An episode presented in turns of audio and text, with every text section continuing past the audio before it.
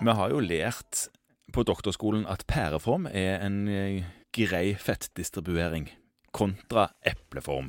Det har vel vært, vært sagt noe om at det gir mindre kardiovaskulær risiko. Ja, men noen ganger så kommer det særlig kvinner og sier at de har en overdreven pæreform, på et vis. De har for mye fett fra hofte og nedover føttene, og så er det nesten sånn at det, det fettet går helt ned i helt ned i anklene, liksom. Ja, ja.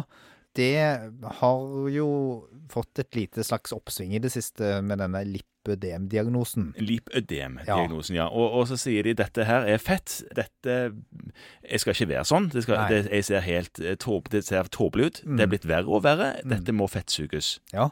ja. For det er jo fett, så det kan jo fettsuges. Ja, det, det kan det nok Uh, Iallfall tenker pasienten det, at siden det er fett, så bør det kunne suges bort. Ja, og jeg tror hvis du gjør et raskt søk på vår gode venn Google, så er det nok av de som tilbyr å suge dette bort også. Ja. Det som er helt sikkert, er at definisjonen på dette er litt sånn uavklart. Det er ikke verdens eldste diagnose. Prevalensen er ukjent, det er en del sånne ting som er litt vanskelig med det. Det, det beskrevet som en unormal ansamling av subkutant fett i underekstremiteter. Ja. Eh, og det skal også da være bilateralt og, og, noenlunde symmetrisk. Og det som på en måte er viktig, er at det er uproporsjonalt i forhold til fettfordelingen ellers på kroppen. Så det ser det ser ikke normalt ut? Nei, altså, og det, det er normalt og normalt. Men, ja, men normal her kommer i hvert fall inn at det er mye, mye mer pæreform enn det det burde være. Ja, nettopp. Ja. ja nettopp.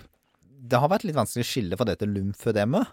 Ja, og det, for det, det, kan man jo få dersom man har hatt operasjoner, eller bare ja. derfor ja. Og, og, og lymfedemer er betydelig oftere unilaterale, altså på én side.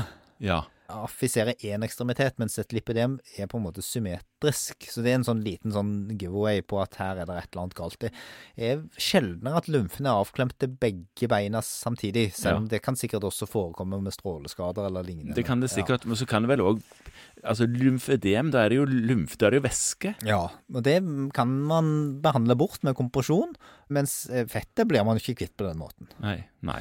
Eh, Foreløpig så er behandlingen egentlig dårlig utbygd, og dette er en diagnose som er litt sånn under utredning nå. Grunnen til at du kanskje har fått litt ekstra trykk på det i det siste, er at nå har det vært en del skriverier om fettsuging av dette. Ja.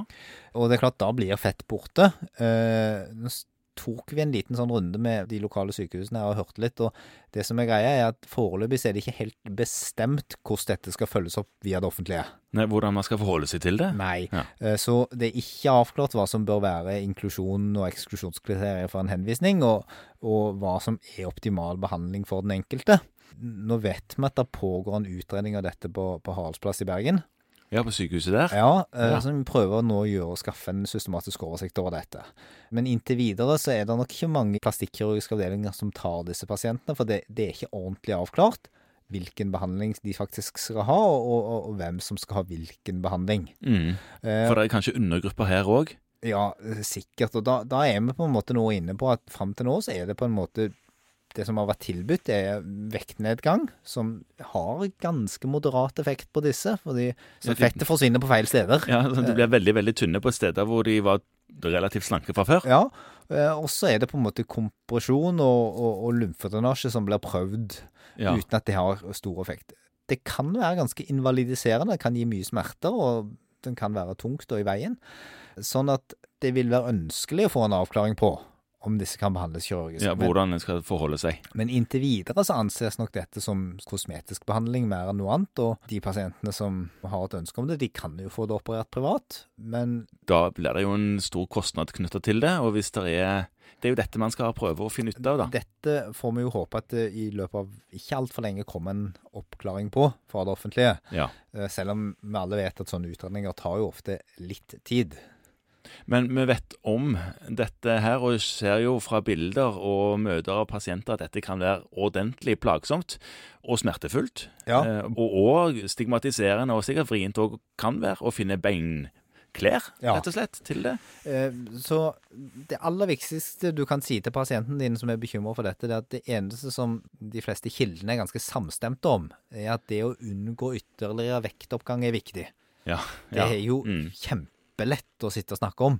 Men mer enn det kan man er der du er nå, så Ja. må du på en måte prøve å få det til ikke bli verre. Nettopp.